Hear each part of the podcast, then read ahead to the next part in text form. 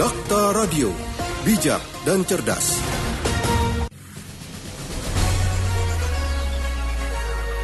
Saatnya kita ikuti Ruang Guru On Air, kerjasama Radio Dakta bersama Dinas Pendidikan Kota Bekasi. Dakta Radio bulan Ramadan Rai Keberkahan, rekan Dakta kita masuki sesi ketiga Ruang Guru On Air, hasil kerjasama Dinas Pendidikan Kota Bekasi dengan Radio Dakta 107 FM. Dan di sesi ketiga Ruang Guru On Air ini, kita akan bahas mata pelajaran IPA khusus kelas 7 bersama guru pembimbing Ibu Sumiati MPD. Saya sapa, Assalamualaikum warahmatullahi wabarakatuh, Ibu Sumiati. Waalaikumsalam warahmatullahi wabarakatuh, Mas Rudi. Tema apa, Bu, untuk siang hari ini dari mata uh, pelajaran IPA? Iya. Untuk siang hari ini, untuk kelas 7, pelajaran ya. IPA temanya adalah pencemaran lingkungan, Mas Rudi. Pencemaran lingkungan ya? Iya. Untuk saat ini sendiri, Ibu, seperti apa sih kondisi lingkungan khususnya di wilayah kota Bekasi? Ya, Alhamdulillah untuk di kota Bekasi, terutama di wilayah Jalan Raya, ya. itu cukup asri, bersih, dan sedikit polusi. Karena oleh pemerintah kota Bekasi, cukup banyak diusahakan tanaman-tanaman di sepanjang jalan. Ya. Jadi dengan dibahas tema ini mudah-mudahan bisa memaksimalkan kembali atau lebih dari kondisi saat ini Ibu ya. Betul. Untuk menghindari pencemaran lingkungan baik yang dilakukan oleh masyarakat khususnya siswa kelas 7. Kalau demikian silakan dijelaskan. Uh, terima kasih Mas Rudi. Bismillahirrahmanirrahim. Assalamualaikum warahmatullahi wabarakatuh.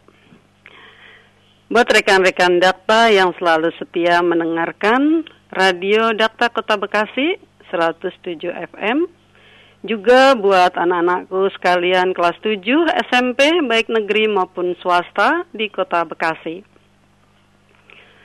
Sebelum Ibu mulai memberikan materi kali ini, kalau tak kenal maka tak sayang, katanya. Perkenalkan, nama ibu adalah Ibu Sumiati atau biasanya ibu lebih dikenal dengan nama Ibu Sumi. Dan alhamdulillah saat ini ibu masih bertugas sebagai guru IPA di SMP Negeri 31 Kota Bekasi. Baiklah rekan-rekan dakta serta anak-anakku sekalian kelas 7. Ayo kita tetap bersemangat. Meskipun pada hari ini kita sedang menjalankan ibadah puasa. Semoga ibadah puasa kita tahun ini dapat menghasilkan hasil yang maksimal dalam ibadah kita semuanya. Anak-anakku sekalian, pada siang hari ini Ibu akan menjelaskan tentang materi pelajaran IPA yaitu tentang pencemaran lingkungan. Namun demikian, kita selalu mengucapkan terima kasih kepada Radio Dakta yang telah bekerja sama dengan Dinas Pendidikan Kota Bekasi yang telah memfasilitasi kegiatan on air di tengah-tengah belajar di rumah karena adanya wabah coronavirus 19. Anak-anak sekalian, serta rekan-rekan dakta semua berbahagia. Alhamdulillah kita masih selalu bersemangat menjalankan aktivitas kita semuanya. Dan tentunya buat anak-anak kelas 7, kita masih semangat untuk menambah ilmu pengetahuan dan kita berdoa bersama semoga wabah corona segera berlalu. Karena apa?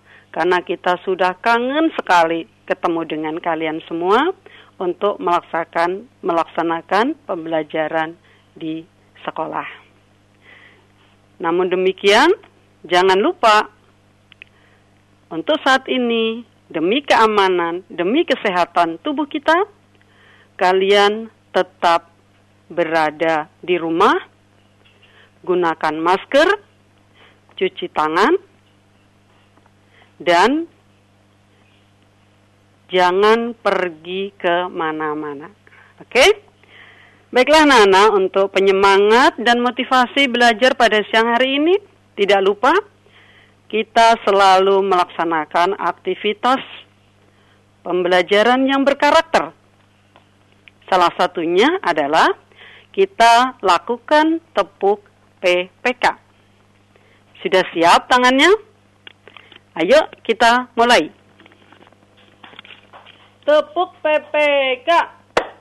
Religius, nasionalis, mandiri, gotong royong, integritas. Nah, bagus ya. Dengan tepuk PPK, insya Allah karakter kita akan mulai berkembang.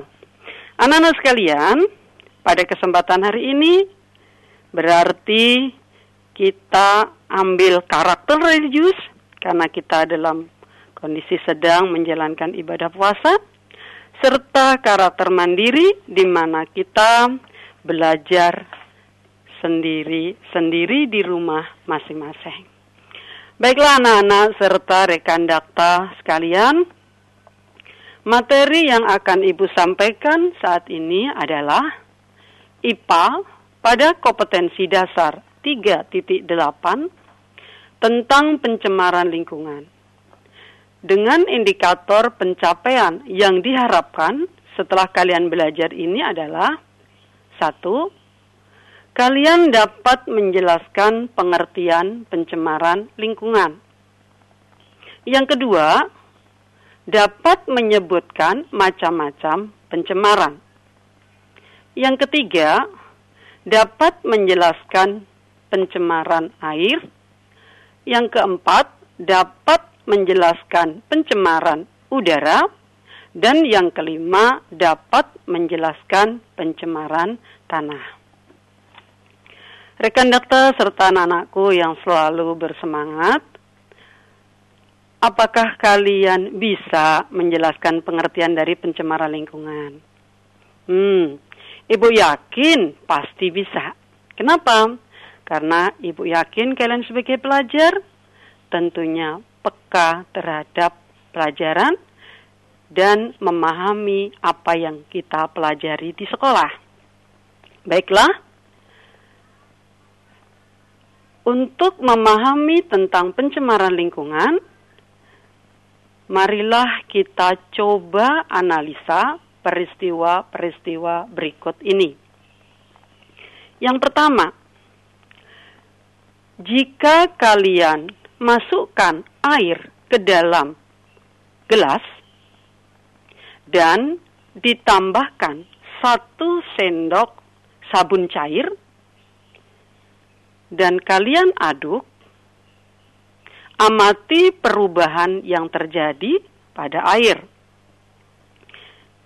Lalu, masukkan ke dalam air campuran tadi seekor ikan ke dalamnya. Dan lihatlah apa yang akan terjadi apakah ikannya tetap bertahan hidup atau malah ikannya menjadi mati. Yang kedua, jika kalian menyalakan kendaraan bermotor pada ruang tertutup atau bisa juga di dalam garasi rumah. Kira-kira apa yang terjadi di dalam ruang tersebut. Apakah ruang tersebut menjadi berbau atau tidak berbau?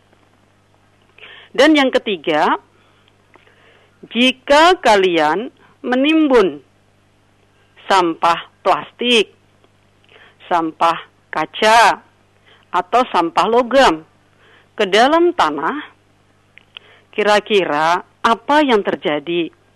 Apakah sampah-sampah tersebut dapat membusuk atau malah sebaliknya tidak dapat membusuk? Nah, anak-anakku sekalian, dari tiga peristiwa-peristiwa tadi di atas, atau pertanyaan-pertanyaan tadi di atas, tentunya kejadian-kejadian tadi sangat erat kaitannya dengan materi yang akan kita bahas hari ini, yaitu tentang pencemaran lingkungan. Oke, anak-anak sekalian, coba kita mulai bahas kejadian-kejadian tadi satu persatu. Yang pertama, pada saat kalian mencampurkan air dengan sabun cair atau deterjen, kemudian kita masukkan seekor ikan di dalamnya, yang terjadi tentulah ikan akan mengalami kesulitan bernapas. Bahkan lebih tragis lagi, ikan akan mengalami kematian. Tentu timbul tanda tanya besar. Kenapa bisa? Ya, hal ini sangat mungkin sekali terjadi. Kenapa? Karena air yang sudah kita masukkan, air yang kita tambahkan sabun tadi, terjadi peristiwa pencemaran atau dikenal dengan nama pencemaran air. Di mana ikan atau makhluk hidup yang lain tidak mampu hidup di dalam air yang tercemar. Apalagi kalau tingkat pencemarannya cukup tinggi sekali. Yang perlu kalian ingat, tentunya kalian tahu sifat air yang baik atau sifat air yang tidak tercemar. Apa saja? Misalkan, yaitu satu, air tidak berwarna, kemudian tidak berbau, tidak berasa, dan kalau bisa tidak mengandung bibit penyakit. Nah, kembali lagi ke tadi, nasib si ikan. Karena ikan harus hidup di dalam lingkungan yang tercemar, tentunya ikan tidak sanggup sehingga dia mengalami kematian. Tentunya hal ini bisa dialami bukan saja oleh seekor ikan, tapi bisa juga dialami oleh beberapa makhluk hidup yang lain. Pada saat dia harus hidup pada lingkungan yang tercemar, maka kehidupannya pun akan terganggu. Oke, baiklah Nana sekalian, paham ya? Nah, berarti kita dapat mengambil sebuah kesimpulan dari kejadian tadi bahwa pencemaran air adalah penambahan zat lain atau masuknya zat ke dalam air yang merusak dan merubah sifat air. Namun demikian anak sekalian, tidak semua loh ya yang merubah atau merubah si, uh, sifat air itu pasti pencemaran semua, belum tentu. Karena ada juga yang bernilai positif. Contohnya, kalau kalian bikin kopi dari air yang jernih tidak berwarna, dimasukin sesendok kopi, diaduk. Apa yang terjadi? Ternyata air berubah menjadi hitam. Namun demikian, karena bernilai positif, itu tidak dikategorikan pencemaran. Oke, baiklah Nana, kalau sudah terjadi pencemaran air, berarti ada dong sumber-sumber terjadinya pencemaran itu. Khususnya untuk pencemaran air. Ada pencemaran air dapat berasal dari limbah-limbah. Limbah apa saja, Bu? Yaitu limbah rumah tangga. Atau bisa juga limbah dari pabrik atau industri. Bahkan bisa juga dari limbah-limbah sisa-sisa kegiatan pertanian. Nah, penasaran kan? Contohnya apa sih Bu? Limbah rumah tangga, limbah industri, atau limbah dari uh, aktivitas pertanian. Ini adalah tugas kalian untuk mengembangkan budaya berliterasi. Silahkan kalian mencari contoh dengan berliterasi secara bebas. Sumbernya boleh dari media apa saja. Yang jelas bisa menambah pengetahuan terhadap pencemaran air. Paham anak-anak ya? Oke, baiklah anak-anak sekalian yang berbahagia juga rekan dakta yang selalu setia. Yang kedua, kita menganalisa yaitu jika kalian menyalakan kendaraan bermotor di ruang tertutup, apa yang terjadi? Yang terjadi adalah gas hasil pembakaran bensin yang tidak sempurna menyebabkan ruang tersebut menghasilkan bau gas karbon monoksida atau gas CO. Lambangnya C dan O. C-nya huruf besar, O-nya huruf besar. CO. Kalau belakangnya ada angka 2, jadinya CO2. Karbon dioksida. Nah, kalau yang pencemaran itu karbon monoksida. Karena O-nya ada satu, CO. Nah, karena adanya gas hasil pembakaran bensin tadi, menyebabkan udara yang tadinya tidak berbau menjadi berbau. Artinya terjadi perubahan atau kita kenal dengan nama pencemaran. Kalian ingat sifat udara yang baik? Harusnya tidak berwarna dan tidak berbau. Ya. Tetapi jika kita tetap berada di ruang tersebut, yang terjadi adalah kita pelan-pelan akan mengalami gangguan pernapasan atau bisa jadi sesak napas. Apalagi ada kalian yang punya penyakit asma. Hati-hati ya.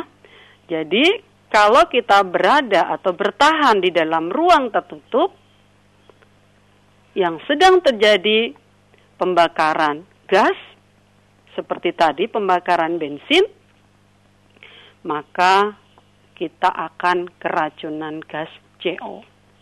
Ada di antara kalian yang paham kenapa sih gas CO bisa meracuni tubuh kita atau paru-paru kita? Hmm, ada yang tahu? Ibu yakin kalian pasti tahu. Ya, karena anak-anak ibu semuanya anak-anak yang pinter. Anak-anakku sekalian, serta rekan dakta sekalian, gas karbon monoksida kenapa menjadi sumber racun bagi tubuh kita? Karena sifat gas CO atau karbon monoksida lebih mudah terikat sel darah atau hemoglobin sel darah merah kita daripada gas oksigen yang kita butuhkan ya sehingga kita mengalami gangguan pernapasan bahkan bisa pingsan. Baiklah anak-anak sekalian, setelah kita memahami tentang masalah yang kedua tadi, kita bisa mengambil kesimpulan. Apa itu pencemaran udara? Pencemaran udara adalah penambahan zat kimia, penambahan zat kimia, substansi fisik, dan biologi yang dapat merusak kehidupan makhluk hidup. Dan untuk sumber pencemaran dapat berasal dari beberapa aktivitas, yaitu aktivitas manusia dan aktivitas alam. Kembali, kalau kalian penasaran, silahkan berliterasi. Ya, oke. Yang ketiga, jika kalian menimbun plastik, kemudian logam, kemudian kaca, yang kita kenal dengan nama zat-zat anorganik, ke dalam tanah, maka apakah pengurai sanggup menguraikan? Jawabannya adalah tidak. Jadi, pengurai atau dekomposer tidak mampu menguraikan benda-benda tersebut dan sebagai akibatnya terjadilah kerusakan di dalam tekstur tanah, kerusakan unsur-unsur yang ada di dalam tanah sehingga tanah menjadi tidak subur. Tentunya masih banyak lagi zat-zat yang lain. Dengan demikian, kita ambil kesimpulan pencemaran tanah adalah masuknya bahan-bahan kimia ke dalam tanah yang merusak sifat alami tanah.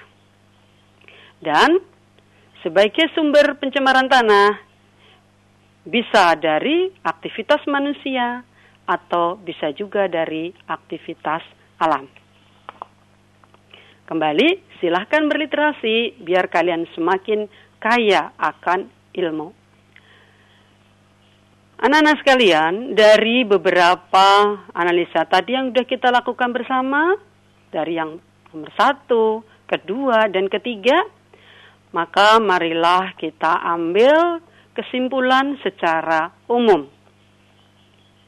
Yaitu, satu, pencemaran lingkungan adalah masuknya makhluk hidup, zat, energi, atau komponen lain ke dalam lingkungan hidup sehingga kualitas menjadi turun dan lingkungan tidak bisa berfungsi sesuai peruntukannya. Dan macam-macam pencemaran lingkungan ada tiga, pencemaran air, pencemaran udara, dan pencemaran tanah. Baik pencemaran air, pencemaran udara, dan pencemaran tanah diakibatkan karena penambahan zat-zat lain yang merusak sifat asli daripada air, udara, dan tanah. Dan sebagai tambahan yaitu penyebab terjadinya pencemaran disebut polutan. Sementara lingkungan yang mengalami pencemaran disebut polusi. Nah, anak-anak sekalian sudah bisa memahami apa yang Ibu sampaikan? Alhamdulillah, semoga kalian bisa memahami. Dan sebagai tugas pada kalian semuanya, anak-anakku yang pinter-pinter, juga rekan dakta yang selalu berbahagia, anak-anak sebagai seorang pelajar, marilah kita peduli terhadap kejadian yang ada di sekitar kita, terutama pencemaran yang ada di lingkungan baik itu pencemaran tanah, pencemaran air, dan pencemaran udara. Sehingga lingkungan kita menjadi lingkungan yang sehat, lingkungan yang asri, lingkungan yang nyaman untuk kita beraktivitas di mana pun berada. Dan sebagai kesemp uh, pada kesempatan ini Ibu ambilkan satu contoh wilayah di Kota Bekasi yang memiliki tingkat pencemaran cukup tinggi yaitu di TPA Bantar Gebang. Ada yang tahu? Pasti tahu. Terletak di Kecamatan Bantar Gebang. Kenapa? Ibu itu e, ibu pilih wilayah itu karena dari ketiga jenis pencemaran tersebut sering terjadi setiap hari yang bersumber dari gunung sampah yang basah yang menjadi penyebab pencemaran baik tanah, air, dan udara. Namun demikian, pemerintah Kota Bekasi bekerja sama dengan Pemkot atau pemerintah DKI serta Kabupaten Bekasi berusaha semaksimal mungkin untuk mengurangi dampak pencemaran lingkungan dengan cara pembuatan pupuk dari sampah organik, kemudian membuat sumber-sumber gas serta energi listrik. Kalian tahu itulah satu-satunya gunung yang ada di kota Bekasi. Kalau kita ibaratkan, sebetulnya gunung sampah itu ibarat mutiara hitam. Kenapa? Karena dengan gunung sampah yang begitu luas dan tinggi, ternyata dapat menghidupi perekonomian ratusan warga yang tinggal di sekitar TPA Bantar Gebang. Oke anak-anak sekalian, Alhamdulillah rekan-rekan dakta serta anak-anak semuanya. Sebelum Ibu mengakhiri pembelajaran pada siang hari ini, Ibu akan memberikan sebuah kuis pada kalian semua. Silakan dicatat dengan benar. Anak-anak sekalian, sekarang sedang gencar-gencarnya pemerintah mengatasi, mengantisipasi, mencegah penyebaran COVID-19. Ya. Dan salah satunya adanya larangan PSBB. Nah, pertanyaannya, benarkah wabah COVID-19 ada dampak positifnya terhadap pencemaran udara di kota-kota besar? Sekali lagi pertanyaannya, benarkah wabah COVID-19 berdampak positif terhadap pencemaran udara di kota-kota besar? Nah, Ibu tunggu jawaban kalian.